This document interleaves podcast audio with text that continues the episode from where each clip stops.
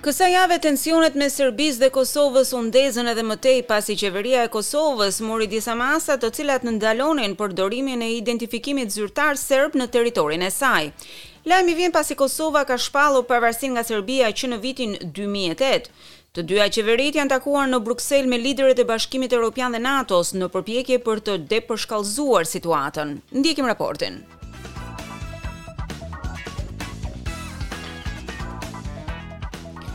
Kosova dhe Serbia prej kohësh kanë patur një marrëdhënie të vështirë, por kësaj radhe disa persona shkuan deri në marrjen e armëve.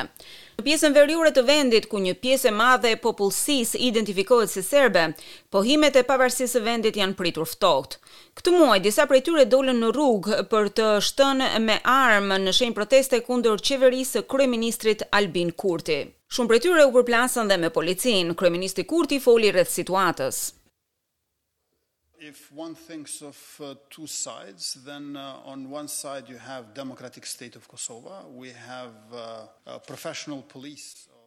Nëse dikush mendon për dy palë, atëherë në njërën anë keni shtetin demokratik të Kosovës, kemi një polici profesionale të Republikës sonë.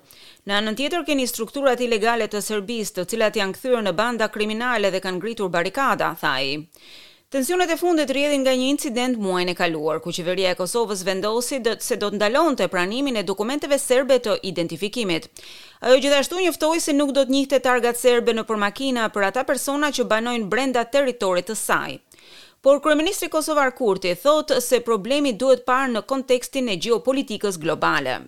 The threats, risks and challenges that NATO faces in the current security environment are felt by our country as well. Kosova's institutions and citizens. Kërcënimet, rreziqet dhe sfidat me të cilat përballet NATO në mjedisin aktual të sigurisë i ndjen edhe vendi ynë. Institucionet dhe qytetarët e Kosovës në situatën aktuale kanë arsye të jenë të vigjilentë ndaj qasjes destruktive të fqinjit tonë verior ndaj Kosovës dhe rajonit në përgjithësi, nën axhendën e dëmshme të Rusisë për Europën dhe Ballkanin. Serbia përgjithësisht shihet si e lidhur me Moskën.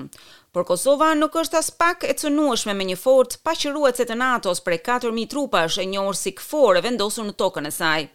Sekretari i Përgjithshëm i NATO-s, Jens Stoltenberg thotë se forcat e aleancës tashmë po reagojnë ndaj situatës. when needed we have demonstrated again and again that we can deploy and increase our presence for instance in the north as we have done over the last uh, weeks so we can do uh, Kur është e nevojshme ne kemi demonstruar vazhdimisht se mund të vendosemi si dhe të rrisim praninë tonë për shembull siç kemi bërë në zonën veriore gjatë javëve të fundit. Jemi në gjendje ta bëjmë këtë përsëri, ta rrisim edhe më tej praninë tonë, për shembull, patrullimet e rregullta të trupave të KFOR-it dhe të NATO-s në veri. Historia midis Kosovës dhe Serbisë ka dekada që vazhdon, e gjatë kësaj periudhe ka qenë Bashkimi Europian ai që ka ndërmjetësuar disa herë mes dy palëve. Marrëveshjet janë arritur nën kujdesin e Brukselit edhe më parë, duke lejuar Kosovën të funksionojë dhe të veprojë me vendet e tjera, pa mohuar pretendimet e Serbisë. Marrëveshja më e spikatur është nënshkruar në Bruksel në vitin dy mijë e trembëdhjetë dhe ajo pranoi refuzimin e Serbisë për të njohur Kosovën, por normalizoi marrëdhëniet midis dy administratave. Kosova tashmë ka pranuar ta shtyjë vendimin e saj në lidhje me targat për në shtator, si një gjest qetësimi. Në terren janë hequr barrikadat dhe situata paraqitet më e qetë. Por Stoltenberg i ka kujtuar të gjithëve se palët janë ato të cilat duhet të garantojnë paqen.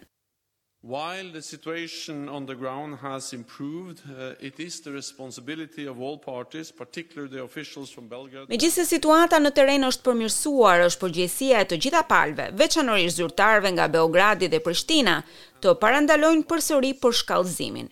I bëj thirrje të gjitha palëve të tregojnë përmbajtje dhe të shmangin dhunën, tha ai.